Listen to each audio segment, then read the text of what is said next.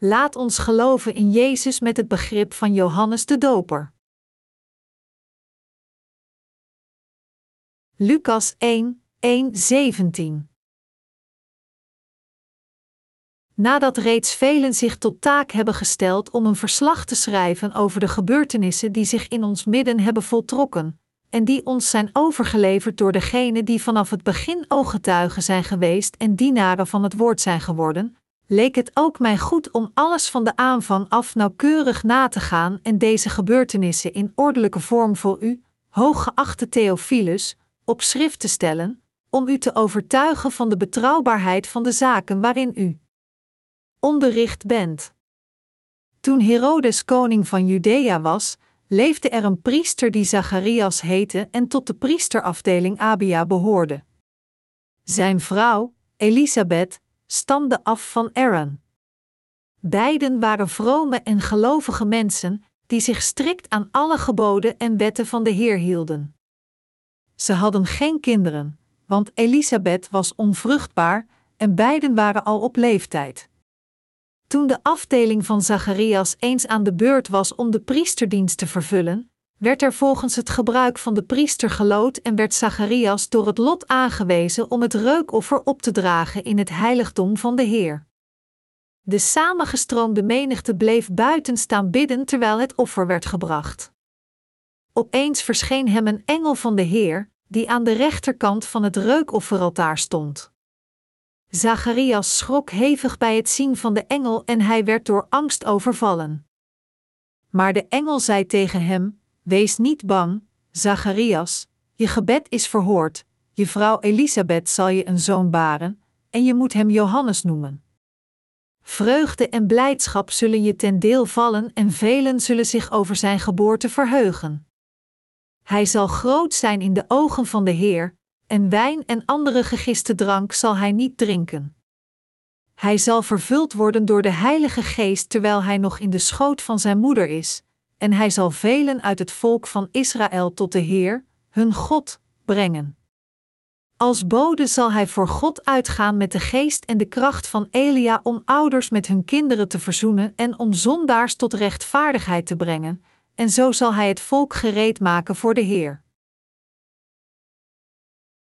Ik ben dankbaar dat God ons het geestelijk voedsel overvloedig heeft gegeven. Ik liep hier en daar rond om een kopieermachine te kopen en zag dat mensen druk bezig waren proberend iets te zoeken dat hen zou bevredigen. Zij waren geestelijk verarmd, hoewel zij leven in dit materialistische, overvloedige en rijke tijdperk. Zij leken op mensen die door de woestijn dwalen zoekend naar een manier om een glas water te vinden vanwege extreme dorst. Zij waren in verhouding eigenlijk rijke mensen, vleeselijk en wereldlijk, maar ik vond dat zij zeer arm en verwaarloosd leken toen ik keek naar hun zielen. In mijn ogen waren zij mensen die vochten tegen de dood omdat zij zo getroffen waren met armoede en honger in hun geesten, mensen die sterven aan extreme geestelijke honger. Toen ik dit zag, realiseerde ik mij de betekenis van Gods woord: de mens leeft niet van brood alleen, maar van ieder woord dat klinkt uit de mond van God. Toen Jezus in verzoeking werd gebracht na veertig dagen gevast en gebeden te hebben, het eerste dat Satan deed was hem te verleiden met voedsel. Satan, de duivel, bracht een steen voor het aangezicht van God en zei: Als u de zoon van God bent, beveel deze steen in brood te veranderen.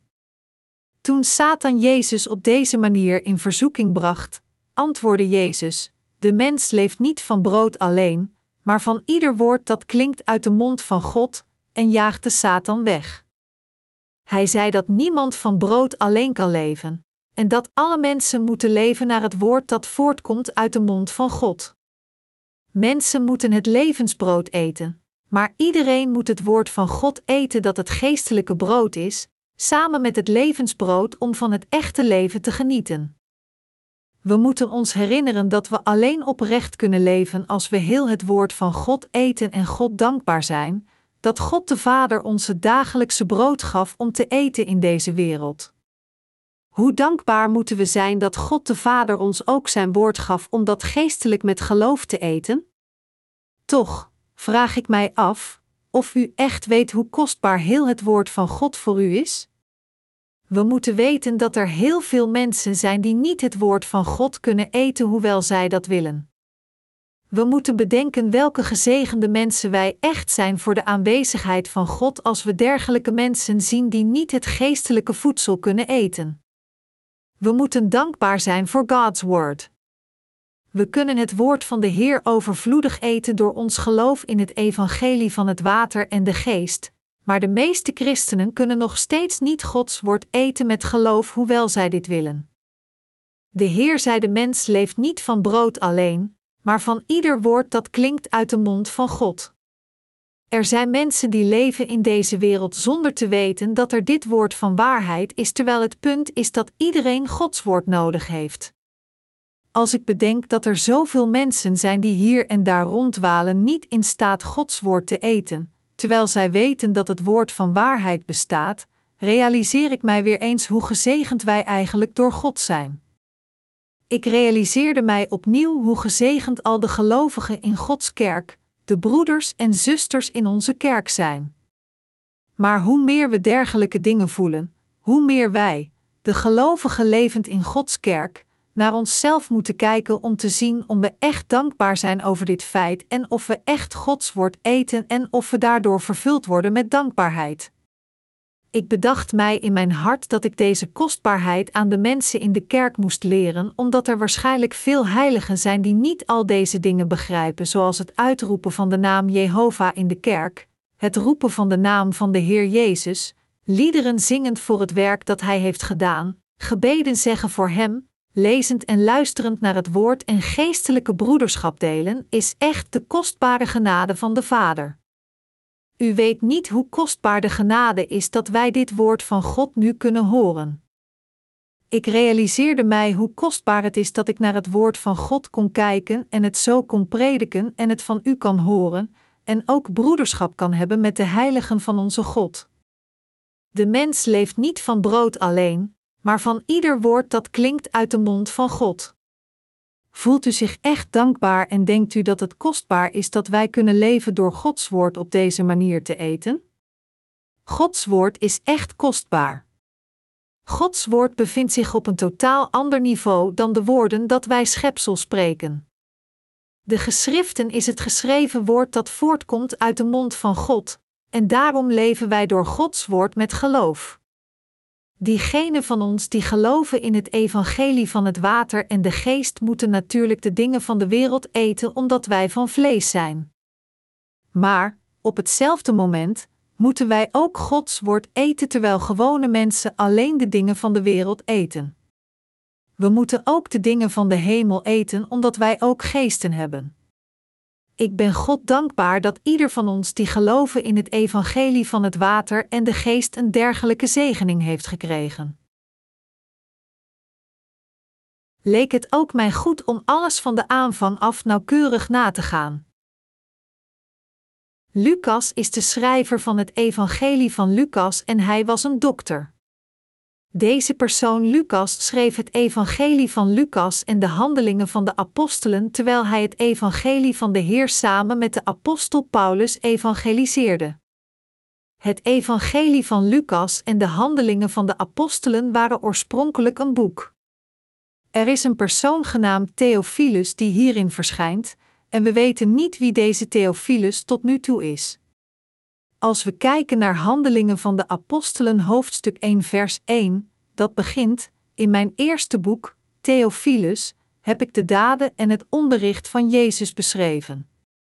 En het gaat verder, nadat reeds velen zich tot taak hebben gesteld om een verslag te schrijven over de gebeurtenissen die zich in ons midden hebben voltrokken, en die ons zijn overgeleverd door degenen die vanaf het begin ooggetuigen zijn geweest en dienaren van het woord zijn geworden, leek het ook mij goed om alles van de aanvang af nauwkeurig na te gaan en deze gebeurtenissen in ordelijke vorm voor u, hooggeachte Theophilus, op schrift te stellen, om u te overtuigen van de betrouwbaarheid van de zaken waarin u onderricht bent. Door deze passage kunnen we zien dat de handelingen van de apostelen een brief is die Lucas schreef aan een persoon genaamd Theophilus. Theophilus moet een persoon zijn geweest in een hoge positie, omdat hij hooggeachte Theophilus wordt genoemd, en het lijkt dat hij ook geloofde in Jezus als de Verlosser. Als we verder gaan, wordt gezegd, nadat reeds velen zich tot taak hebben gesteld om een verslag te schrijven over de gebeurtenissen die zich in ons midden hebben voltrokken, en die ons zijn overgeleverd door degenen die vanaf het begin ooggetuigen zijn geweest en dienaren van het woord zijn geworden, Lucas 1, 1, 2. Jezus had twaalf leerlingen en zij waren mensen die ervoeren, hoorden en Jezus Christus werkelijk met hun vleeselijke ogen en geestelijke ogen zagen. Zij deelden met andere mensen het woord van God dat zij hadden gehoord. Zij deelden het precies volgens datgene wat zij hadden gezien, en er waren veel dienaren die de pen pakten en al deze gebeurtenissen opschreven volgens de feiten. De leerling van Jezus genaamd Lucas dacht ook dat het goed zou zijn te schrijven aan de hooggeachte Theophilus chronologisch over Jezus vanaf het eerste begin, zeggend dat hij al deze dingen vanaf het begin in detail had gezien. Lucas zei dat hij dit deed om de hooggeachte Theophilus vastberaden te laten weten wat hij had geleerd. Lucas, een van de leerlingen van Jezus Christus, begon ook te schrijven over Jezus Christus. In die tijd waren sommige mensen een gerucht aan het verspreiden dat de mensen die geloofden in Jezus Christus bloedzuigers waren. Zij zeiden dat de mensen die geloofden in Jezus bloedzuigers moesten zijn sinds zij vertelden dat zij leefden door het drinken van bloed.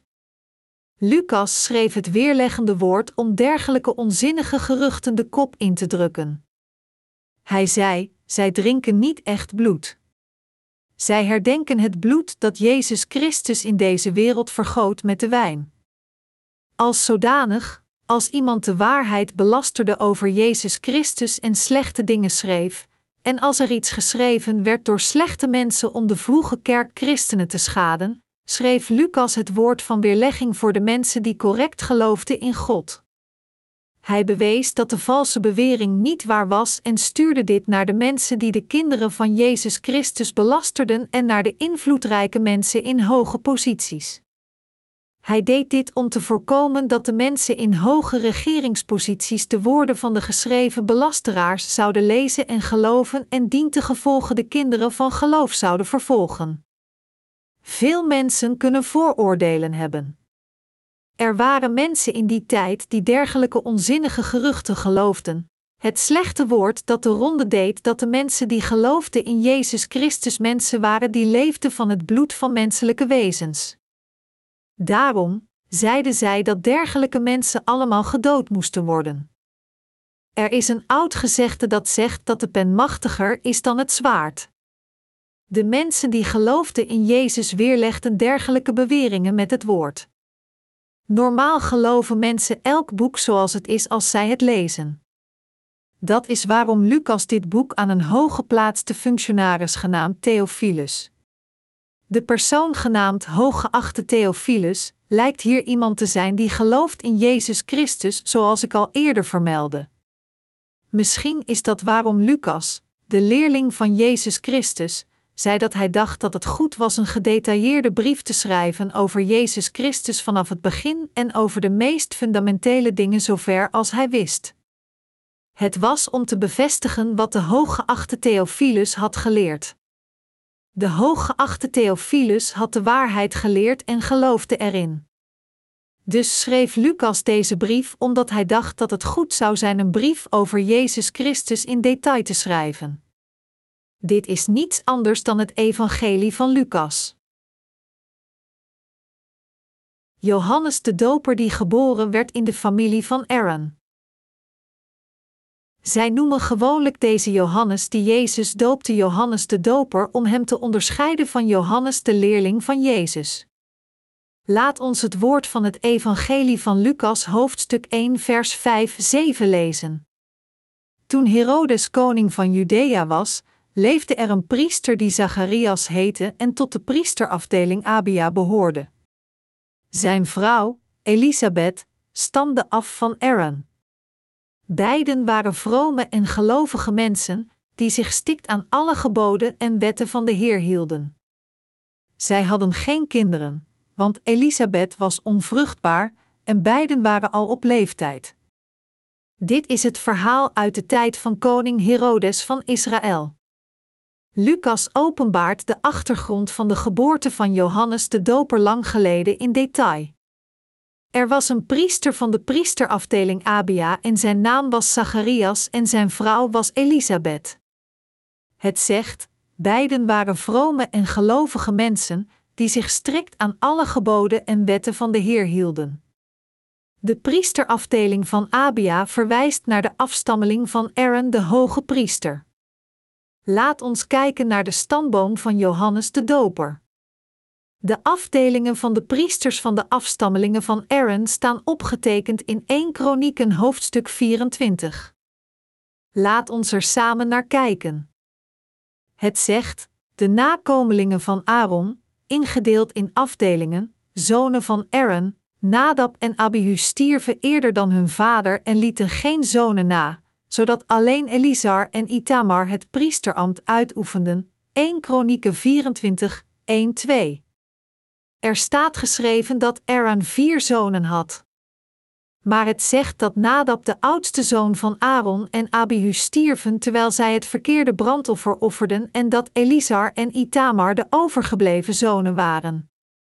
Zij namen het priesterschap op en deden het werk van het offeren aan God.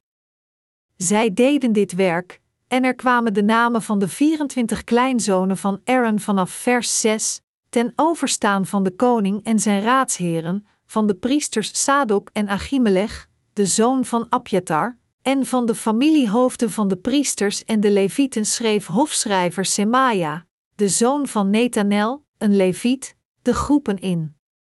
Daarbij kreeg de familie van Itamar steeds twee beurten tegen de familie van Elisar één. Het eerste lot viel op Jojarib, het tweede op Jedaja, het derde op Garim, het vierde op Seorim, het vijfde op Malkia, het zesde op Miamin, het zevende op Hakkos, het achtste op Abia, het negende op Jezua, het tiende op Seganja, het elfde op Eljasib, het twaalfde op Jakim, het dertiende op Shuppa, het veertiende op Jezebab, het vijftiende op Bilga, het zestiende op Immer, het zeventiende op Shazir, het achttiende op Hapissus, het negentiende op Petachia, het twintigste op Jegeskil, het 21ste op Yashin, het 22ste op Gamul, het 23ste op Delaya, het 24ste op Maazia. Volgens dit rooster moesten zij aantreden in de tempel van de Heer, om daar de plichten te vervullen die hun voorvader Aaron voor hen had vastgelegd op bevel van de Heer, de God van Israël. 1 Kronieken 24, 6, 19. Koning David had het Levitische priesterschapssysteem ingevoerd omdat de afstammelingen van Aaron zich hadden vermenigvuldigd. Zij werden ingedeeld in 24 afdelingen volgens de families van de 24 kleinzonen van Aaron. Een van de priesters uit de afdeling van Abia tijdens de heerschappij van koning Herodes van Israël in het Nieuwe Testament was genaamd Zacharias. Zacharias was een afstammeling van Aaron de hoge priester. Koning David zorgde dat elke afdeling de plichten in de tabernakel vervulde voor 15 dagen, en de afdeling van Abia verschijnt hier als de achtste in volgorde. Johannes de Doper verschijnt in het Evangelie van Lucas, en de geschrifte passage vertelt ons vanaf het begin over de stamboom van Johannes de Doper. Ik heb eerder aangegeven dat Lucas dacht dat het beter zou zijn een brief te sturen die in detail de oorsprong van het evangelie aan Theophilus kon verklaren. Daarin laat Lucas duidelijk de stamboom van Johannes de Doper zien door te schrijven dat er een bepaalde priester genaamd Zacharias van de priesterafdeling Abia en dat zijn vrouw afstamde van de dochters van Aaron en haar naam was Elisabeth. Het zegt dat Elisabeth ook een afstammeling van Aaron was. Het betekent dat zij werd gekozen uit het huis van Aaron. Er verscheen Zacharias en zijn vrouw Elisabeth. Zacharias was een priester van de afdeling Abia, een kleinzoon van Aaron de hoge priester. Elisabeth was eveneens een afstammelinge van Aaron. De geschriften zeggen dat zij beide rechtvaardig waren voor God. Het zegt dat beide vrome en gelovige mensen waren, die zich strikt aan alle geboden en wetten van de Heer hielden. Deze mensen geloofden Jehovah God oprecht en puur daar zij de wet dienden en volgden die God voor hen had gevestigd in het Oude Testament met een oprecht hart. Het Oude Testament zegt dat zijn mensen een offer van verzoening voor een jaar van zonden moesten offeren met de slachting van een geit, en zij volgden deze wet onberispelijk. De geschriften openbaren: er is geen mens rechtvaardig, zelfs niet één, Romeinen 3 uur 10. Het zegt dat er geen rechtvaardige is behalve de persoon die de vergeving van zonden heeft ontvangen door te geloven in Jezus binnen de wet van leven. Maar deze twee mensen werden rechtvaardig genoemd te midden van dit alles. Het betekent dat gedurende de tijd van het Oude Testament, deze twee mensen geloofden dat de Messias die komen zou als het lam van offer volgens de belofte van God hen de vergeving van zonden zou geven door de zonden op zichzelf te nemen door het doopsel en plaatsvervangend te sterven. Dat is hoe zij rechtvaardig werden voor het aangezicht van God. De geschrifte passage van vandaag zegt dat zij rechtvaardig waren, die zich strikt aan alle geboden en wetten van de Heer hielden. Zij waren rechtvaardig in hun handelingen, niet alleen in hun woorden. En de geschriften zeggen: ze hadden geen kinderen, want Elisabeth was onvruchtbaar en beiden waren al op leeftijd. Toen de afdeling van Zacharias eens aan de beurt was om de priesterdienst te vervullen, werd er volgens het gebruik van de priester gelood en werd Zacharias door het lot aangewezen om het reukoffer op te dragen in het heiligdom van de Heer. De samengestroomde menigte bleef buiten staan bidden terwijl het offer werd gebracht. Opeens verscheen hem een engel van de Heer, die aan de rechterkant van het reukofferaltaar stond. Zacharias schrok hevig bij het zien van de engel en hij werd door angst overvallen. Maar de engel zei tegen hem: Wees niet bang, Zacharias, je gebed is verhoord, je vrouw Elisabeth zal je een zoon baren, en je moet hem Johannes noemen. Vreugde en blijdschap zullen je ten deel vallen, en velen zullen zich over zijn geboorte verheugen. Lucas 1, 7, 14. Zoals u kunt zien, had dit oudere koppel geen kinderen.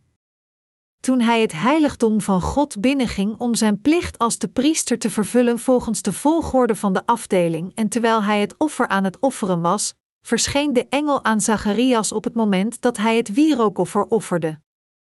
Waarschijnlijk bad Zacharias naar God voor zijn eigen probleem terwijl hij, natuurlijk, bad voor de mensen toen hij bad voor de aanwezigheid van God. Bidden u en ik niet zoals hij? Maar de geschriften openbaren dat de engel op dat moment verscheen en zei: Wees niet bang, Zacharias, je gebed is verhoord, je vrouw Elisabeth zal je een zoon baren, en je moet hem Johannes noemen. Vreugde en blijdschap zullen je ten deel vallen, en velen zullen zich over zijn geboorte verheugen. Hij zal groot zijn in de ogen van de Heer, en wijn en andere gegiste drank zal hij niet drinken. Hij zal vervuld worden met de Heilige Geest terwijl hij nog in de schoot van zijn moeder is, en hij zal velen uit het volk van Israël tot de Heer, hun God, brengen. Als bode zal hij voor God uitgaan met de geest en de kracht van Elia om ouders met hun kinderen te verzoenen en om zondaars tot rechtvaardigheid te brengen. En zo zal hij het volk gereed maken voor de Heer. Lucas 1, 13, 17. De engel vertelde Zacharias dat God een zoon zou geven aan Elisabeth, maar Zacharias geloofde dit niet. God maakte Zacharias stom om dit te bewijzen, omdat hij alleen met menselijke logica dacht en niet kon geloven in het woord van de Heer. Daarom werd Zacharias stom totdat het kind geboren was. Zijn mond kwam los nadat Johannes geboren was. De engel zei dat God een zoon zou geven aan Zacharias en Elisabeth en dat zijn naam Johannes zou zijn. De engel zei ook dat Zacharias vreugde en blijdschap zou ontvangen, en dat veel mensen ook blij zouden zijn met zijn geboorte. Er staat geschreven dat Johannes groot is in de ogen van de Heer en dat hij in de schoot vervuld zou worden met de Heilige Geest en de afstammelingen van Israël terug zou laten keren naar God.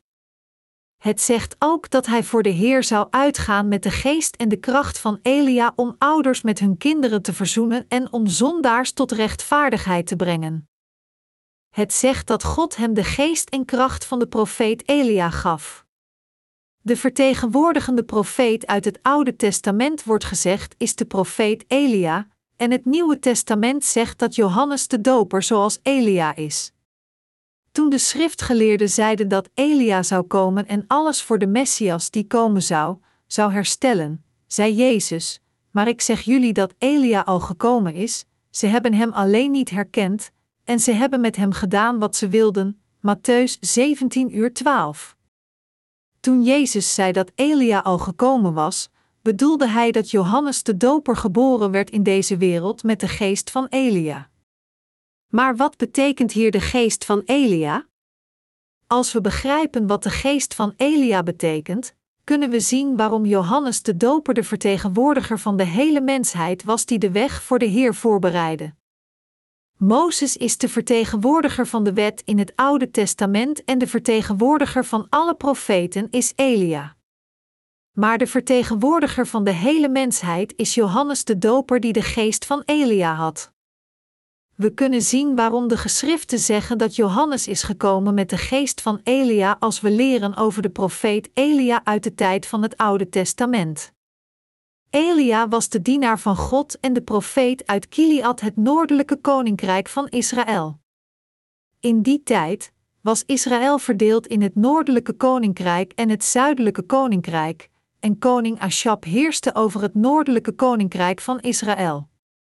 Maar koning Ashab nam een niet-Joodse vrouw als zijn vrouw, hoewel hij een Israëliet was en God moest eren en aanbidden. Zijn vrouw Isabel bracht Baal in het paleis om te aanbidden als God toen zij in het huis van Ashab kwam, en de Israëlieten begonnen Baal te accepteren en te aanbidden die hun koningin Isabel aanbad. Baal betekent Heer en het kan ook vertaald worden als de eigenaar. Deze mannelijke God werd in die tijd gewoonlijk in het land van Canaan aanbeden. Zij geloofden dat Baal een God was die het land vruchtbaar en vruchtrijk zou maken en de veestapel liet gedijen en overvloedig worden. Enfin, hij werd gezien als een God van voorspoed. Wij hebben ook Baal gelijkende godheden in ons land. We kunnen Baal lijkende idolen zien op de publieke begraafplaats, en de mensen in Korea zetten dit erop zonder zelfs de oorsprong van het beeld te kennen. Baal was een god die de productiviteit van het land en de voorspoed van de veestapel bevorderde, en het is Baal die het meest door boeren werd aanbeden. Dergelijke goden worden verwacht de landbouw en veestapel en het land verspreid over de wereld te beheren. Deze God is oorspronkelijk een niet-Joodse God, niet de God van het Israëlische volk. Zij brachten de niet-Joodse God Baal binnen en maakten een soort van beeld ervan, aanbaden het beeld en baden voor de zegeningen en het welzijn van alles. Zij baden: Geef mij alstublieft kinderen. Maak de oogst talrijk, alstublieft. In ieder geval, Isabel, de koningin van koning Ashab, bracht een dergelijke God naar Israël. In het begin aanbad Isabel dit ding met haar dienstmeisjes, maar het verspreidde zich en uiteindelijk aanbaden veel mensen Baal. De macht van een koningin is veel groter dan je denkt. Er is een gezegde dat zegt: Het zijn de mannen die de wereld bewegen, maar het zijn de vrouwen die dergelijke mannen bewegen. Als de man het hoofd is, dan moet de vrouw de nek zijn. Het hoofd beweegt naar alle kanten als de nek naar alle kanten beweegt. Als de nek niet wilt bewegen, dan kan het hoofd niets anders doen dan stil te staan, zelfs als hij wil bewegen. Net zo, de man zal volgen en bewegen als de vrouw beweegt. Als zodanig controleerde koningin Isabel koning Ashab naar haar wil. Dient een gevolge, wat gebeurde er? Heel Israël werd een land dat Baal aanbad. Nu werd Israël een land dat Baal het idool aanbad, een niet-Joodse god, niet een land dat Jehovah God aanbad. De profeet in die tijd van koning Ashab was Elia. De eerste profeet Mozes, ontving de wet die God hem op de berg Sinai gaf en maakte deze aan de mensen van Israël bekend. Hij graveerde de wet op stenen tabletten en legde deze in de ark en leerde de Israëlieten wat Gods wet was. Elia was een profeet die leefde tijdens de heerschappij van koning Ashab lang geleden na de dagen van Mozes. In de tijd toen Isabel en de Israëlieten mensen waren die Baal aanbaden, zag Elia deze situatie en verklaarde krachtig de wil van God en vocht tegen hen, zeggend: Nee, Baal is niet God. De Baal met de betekenis Heer is gewoon een idool en is niet een ware God. Het te aanbidden is een grote zonde tegen Jehovah. Maar Isabel en het Israëlische volk gingen door met zondigen en noemden Baal God. Maar kon Elia in zijn eentje het opnemen tegen duizenden van hen? Elia hoorde in het geheim de stem van God en voorspelde. Hij ging naar de mensen als een profeet en berispte en adviseerde hen. Maar Elia stond uiteindelijk tegenover 850 profeten van Baal en Ashera om te bewijzen wie de ware God van Israël was, omdat zij oneerbiedig waren tegenover het woord van God, zeggend dat het gewoon en stem van een fanatiek persoon was. Hij zei: Jehovah is de ware God. Nu, laten we kijken wie de ware God is, en kwam tegenover 850 tot 1 te staan. Hij zei tegen de valse profeten: Ik ben de enige profeet van de Heer die nog over is. De profeten van Baal zijn met 450 man. Breng ons twee stieren. Zij mogen als eerste een stier uitkiezen. Laten ze die in stukken snijden en op een brandstapel leggen, maar ze mogen het hout niet aansteken. Ik zal de andere stier gereed maken en op de brandstapel leggen, maar ik zal het hout niet aansteken. U moet de naam van uw God aanroepen, en ik zal de naam van de Heer aanroepen. De God die antwoordt met vuur is de ware God, 1 Koningen 18, 22, 24. Hij spoorde de profeten van Baal aan: kies als eerste een stier en maak het als eerste klaar, want u bent met velen, roep de naam van uw God, maar u mag het hout niet aansteken. Daarom bereiden de profeten van Baal als eerste het offer voor en riepen continu Baal, onze Heer Baal. Toen niet zo snel een teken kwam, sneden zij hun eigen vlees en riepen uit naar Baal. Maar er kwam geen teken van Baal, hoewel zij hem tot de avond aanriepen. Het water was er nog steeds en de stier die geslacht was als een offer was onaangeroerd. Elia zag dit en zei: Roep luider, want hij is een God, misschien slaapt hij en moet worden wakker gemaakt. Dus deden zij zichzelf meer pijn en liepen rond de greppel en riepen wanhopig en tevergeefs. Toen zei Elia tegen de mensen: Kom kort erbij. Hij repareerde het altaar van God dat gebroken was met twaalf stenen, en maakte een greppel rond het altaar. Toen legde hij het hout klaar, sneed de stier in stukken, en legde dit op het hout, en zei: Vul vier waterkruiken met water, en giet het over het brandoffer en het hout. Dus liep het water helemaal over het altaar, en hij vulde ook de greppel met water. En hij bad: Hoor mij, o Heer, hoor mij, dat deze mensen weten dat u de Heer God bent, en dat u hun harten laat terugkeren naar u. Toen kwam het vuur van de Heer uit de hemel en heel het water dat in de greppel stond verdampte toen hij op deze manier bad. Toen verbrandde hij het brandoffer met het hout op het stenen altaar terwijl heel het volk van Israël stond te kijken. Alleen dan, toen Elia het duidelijke werk van God op deze manier liet zien, realiseerde zich het volk van Israël: Jehovah God is de ware God die ons echt laat gedijen en onze kinderen laat gedijen en alles laat gedijen. God is de enige ware God. Hun harten berouwden en zij keerden terug voor de aanwezigheid van God. Het standpunt van de geschriften in het Evangelie van Lucas staat in hoofdstuk 1, vers 16-17, dat zegt: En hij zal velen uit het volk van Israël tot de Heer, hun God, brengen. Als de bode zal hij voor God uitgaan met de geest en de kracht van Elia om ouders met hun kinderen te verzoenen en om zondaars tot rechtvaardigheid te brengen, en zo zal hij het volk gereed maken voor de Heer. Wie is diegene die echt het volk van Israël krachtig leidde voor de aanwezigheid van God? Jesaja en Ezechiel waren natuurlijk grote profeten, maar de profeet die echt de harten van de mensen krachtig leidde was de profeet Elia. Het was Elia die de wijsheid van de rechtvaardigen aan de zondaars gaf en de Israëlieten Gods wil liet begrijpen en leerde hen wat Gods wil is. De geschriften zeggen dat Johannes de Doper, die de grootste is onder de hele mensheid, de grootste ooit geboren uit een vrouw, die werk zou doen, niet een of andere God. Dit is waarom Lucas, de leerling van Jezus Christus, de geboorte van Johannes de Doper met belangrijkheid vermeldde en zei dat Johannes de Doper geboren werd met de geest van Elia. Als we kijken naar Matthäus hoofdstuk 11, dat zegt dat Johannes de Doper de grootste is ooit geboren uit een vrouw. Laat ons lezen uit het Evangelie van Matthäus hoofdstuk 11 vers 10 tot 14. Het zegt: Hij is degene over wie geschreven staat: Let op, ik zend mijn bode voor je uit, hij zal een weg voor je benen. Ik verzeker jullie, er is onder alle die uit een vrouw geboren zijn nooit iemand opgetreden die groter was dan Johannes de Doper, maar in het koninkrijk van de hemel is de kleinste nog groter dan hij.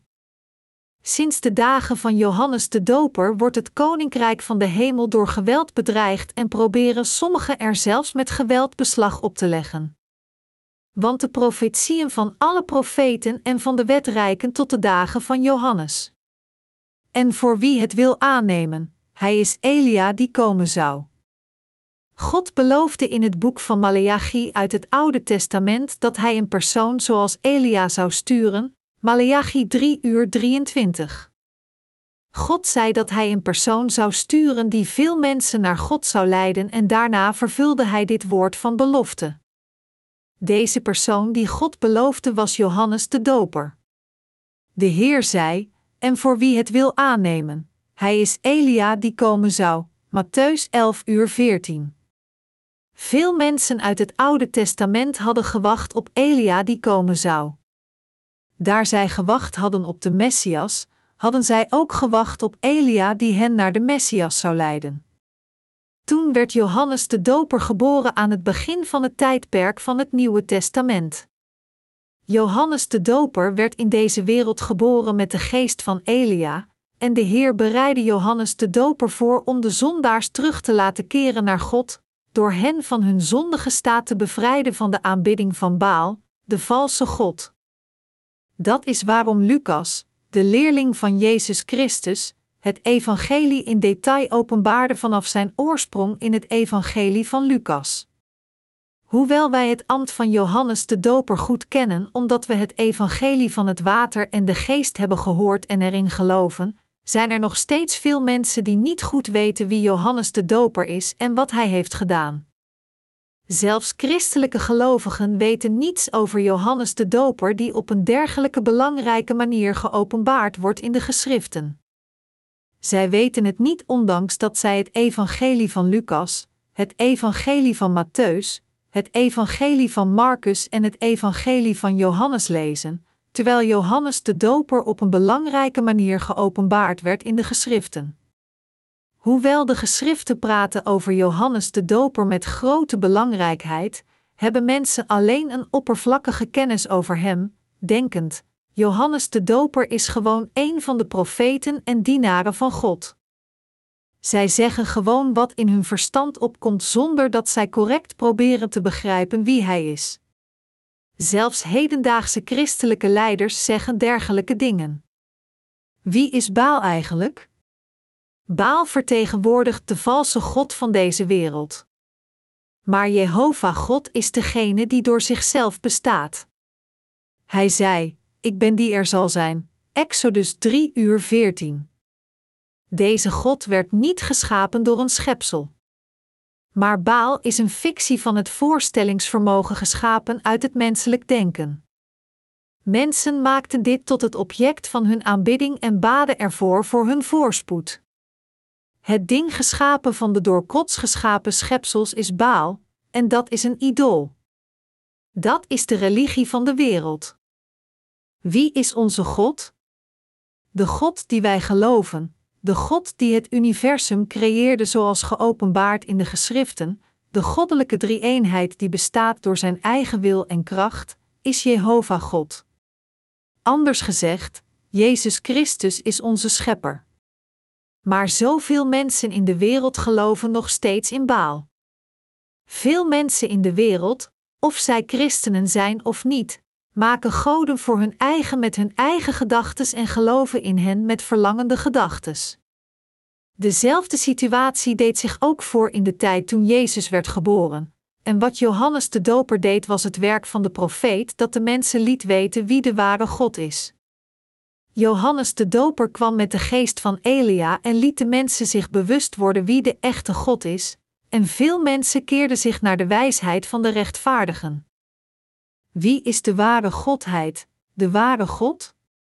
Is het God die ons van de zonde redde door de ware God, of is het God die nog niet zelfs een enkele persoon van de zonde kon redden, de ware God? De goddelijkheid die niet de mensen van hun zonde kan redden, kan nooit onze God zijn. Maar het is niet overdreven te zeggen dat heel veel christenen eigenlijk hun God Baal aanroepen, hoewel zij de naam van Jehovah God met hun lippen prevelen. Sommige mensen definiëren te geloven in Baal als het maken van een soort van evenbeeld om dat te aanbidden. Maar Baal kan feitelijk elk beeld of activiteit zijn. Het kan zelfs een religie of een gezinte zijn. Dit betekent dat zelfs het vinden van een nieuwe gezinte binnen het christendom een baal kan zijn voor zijn aanhangers. Johannes de Doper, die Jezus Christus doopte, getuigde duidelijk over Jezus Christus aan de mensen in deze wereld. Johannes de Doper getuigde duidelijk dat Jezus Christus onze Verlosser is. Johannes de Doper getuigde duidelijk hoe de Heer onze zonden op zich nam voor ons. Wij geloven dat Jezus Christus onze ware God is. Kan de wereld ons voorspoed geven? Het lijkt erop dat de wereld ons voorspoed kan geven, maar dat is niet echt het geval. Alleen God kan ons voorspoed geven. Alleen God kan ons blij maken en zegenen en voorspoed geven. Degene die ons naar een gezegend leven leidt en ons met ware blijdschap laat leven, is niemand anders dan Jehovah God, en niet een of andere afgoden. Het is Jezus Christus waar wij in geloven. Hij is onze Verlosser. Als we rondkijken, zien we dat er veel christelijke gelovigen in dit tijdperk zijn. Maar hun interesse ligt niet in God, hun interesse ligt feitelijk in enkele personen, sommige gezintes en sommige organisaties, hoewel zij zeggen in Jezus Christus te geloven. Zij denken dat zij gezegend zullen worden als zij zo aanbidden en dat zij welvarend worden als zij eraan vasthouden. Geestelijk gesproken, dit is het aanbidden van afgoden en slechte geesten. Hun harten zij bij hun zaken, in hun gerespecteerde gezintes en naar enkele menselijke wezens, hoewel zij met hun lippen zeggen: Heer, Heer. Ik zei dat het woord Baal Heer betekent. Zij zeggen: Heer, Heer tegen Baal, tegen de schepselen, in plaats van God als de Heer aan te roepen, zoeken zij zegeningen bij de schepsels die God creëerde. Maar zorgde Baal, een schepping van de mens, er werkelijk voor dat de mensen van Israël gezegend werden? Zorgde Baal echt dat deze wereld gezegend werd? Baal kan niemand zegenen. Baal kon deze wereld niet zegenen. Baal deed net alsof hij mensen hielpte hij buiten hen uit en liet hen aan de hel vervallen, maar hij kon nooit echte blijdschap aan de mensen geven die hem tot het einde aanbaden. Hoewel het lijkt alsof hij hen welvaart geeft, uiteindelijk leidt hij hen naar het vuur van de hel. Onder de christelijke gelovigen van vandaag, diegenen die niet de vergeving van zonden hebben ontvangen, hebben Baal als hun Heer, hoewel zij uitroepen: Heer, Heer.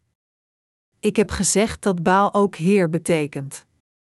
Het betekent hetzelfde ding als dat er een dergelijke goddelijk hart in de harten van de christelijke gelovigen is.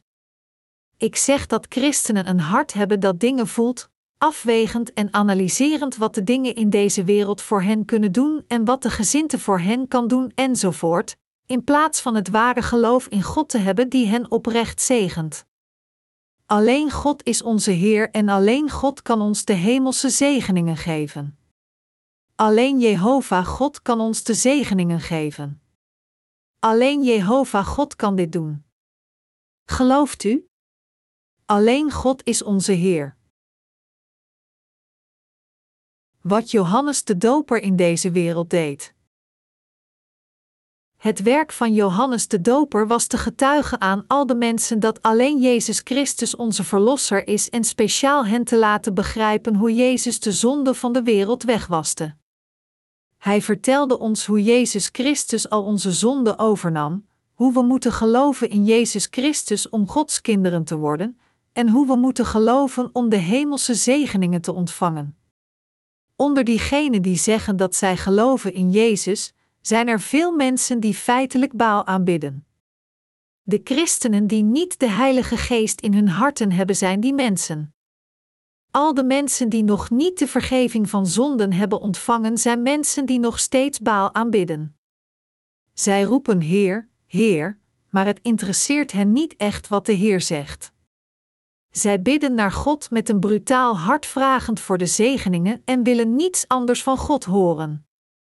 God is de attente God die ons alle dingen vertelt door het woord, zoals hoe we de zegeningen ontvangen en wat goed en slecht is.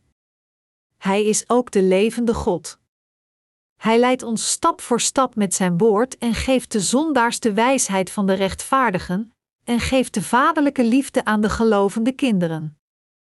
Onze God leeft zelfs nu en leidt ons naar het rechtvaardige pad en spreekt tegen ons door de kerk en door de afstammelingen van geloof. Maar mensen denken dat de valse God Baal of materiële voorspoed hem blijdschap kan geven. Maar Baal kan nooit blijdschap aan de mensen geven.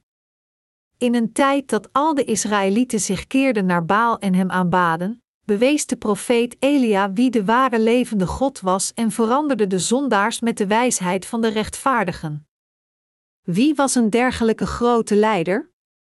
Het was Elia die komen zou en hij is niemand anders dan Johannes de Doper. De geschriften zeggen dat Johannes de Doper al de mensen naar Jezus Christus zou leiden en dat al de mensen in Jezus Christus zouden geloven door zijn getuigenis. De Bijbel spreekt hierover. Het is niet overdreven te zeggen dat de weg naar onze zaligmaking ver weg is als we niet duidelijk begrijpen wat Johannes de Doper heeft gedaan. De mensen die rondvertellen dat zo en zo een cult is en de mensen die God's woord niet accepteren omdat zij arrogant en trots zijn, hoewel zij niets over de waarheid weten, dergelijke mensen kunnen absoluut geen zaligmaking ontvangen. Johannes de Doper is een persoon zoals Elia. U hebt gezien hoe Lucas in detail schreef over Johannes de Doper vanaf de oorsprong, niet waar? Hij bewees dat diegene geboren met de geest en kracht van Elia Johannes de Doper was. De geschriften getuigen in detail over Johannes de Doper vanuit verschillende aspecten keer op keer. Gelooft u dat Johannes de Doper de Elia is?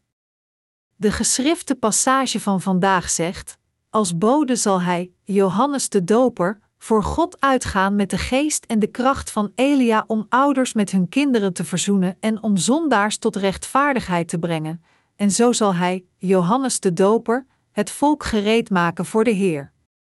Johannes de Doper getuigde Jezus Christus aan deze wereld. Hij getuigde aan de mensen dat alleen Jezus Christus de God van de waarheid is, en deed het werk waardoor veel mensen terugkeerden aan de zijde van de Heer.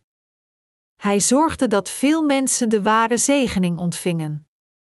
Johannes de Doper bereidde zijn ambten voor de mensen die geloofden in de rechtvaardigheid van God, en werkte hard om hen terug te laten keren naar de wereld van de rechtvaardigen.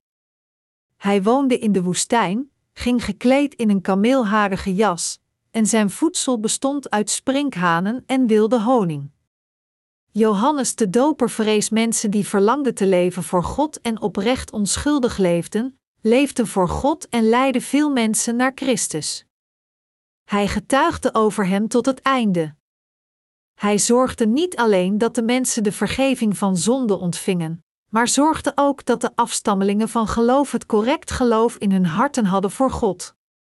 Johannes de Doper toonde ons door zijn leven wat het juiste leven voor God echt is. Hij was een oprecht onschuldig persoon.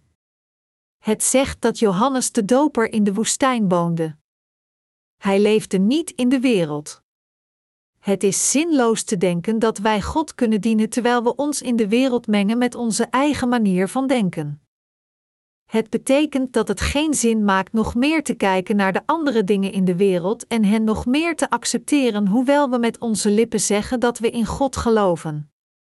Dat hij honing en sprinkhanen in de woestijn at, betekent dat hij alleen at wat God hem gaf.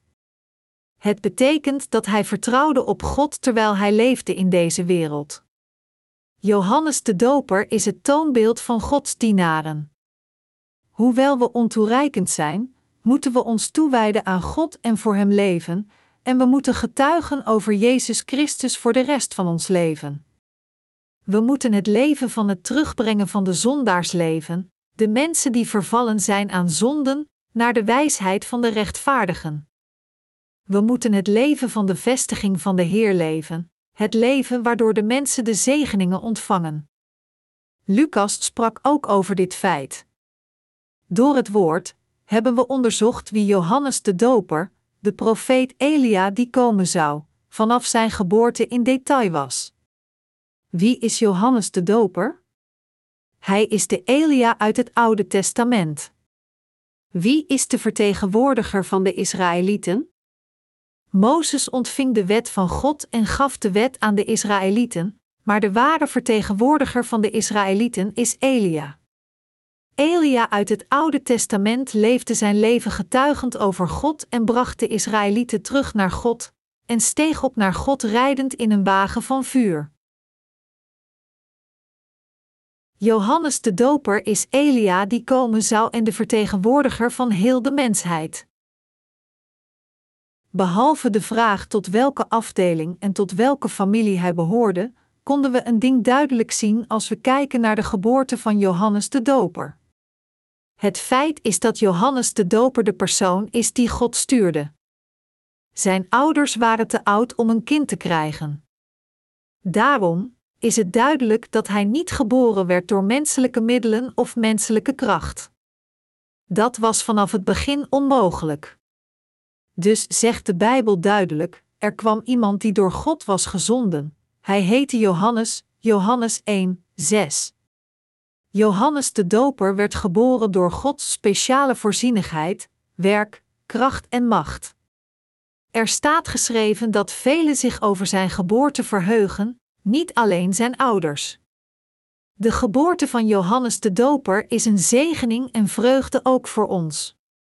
Het zou zeer moeilijk voor ons zijn geweest in Jezus te geloven en we zouden bespot zijn door de duivel als Johannes de Doper niet in deze wereld was geboren.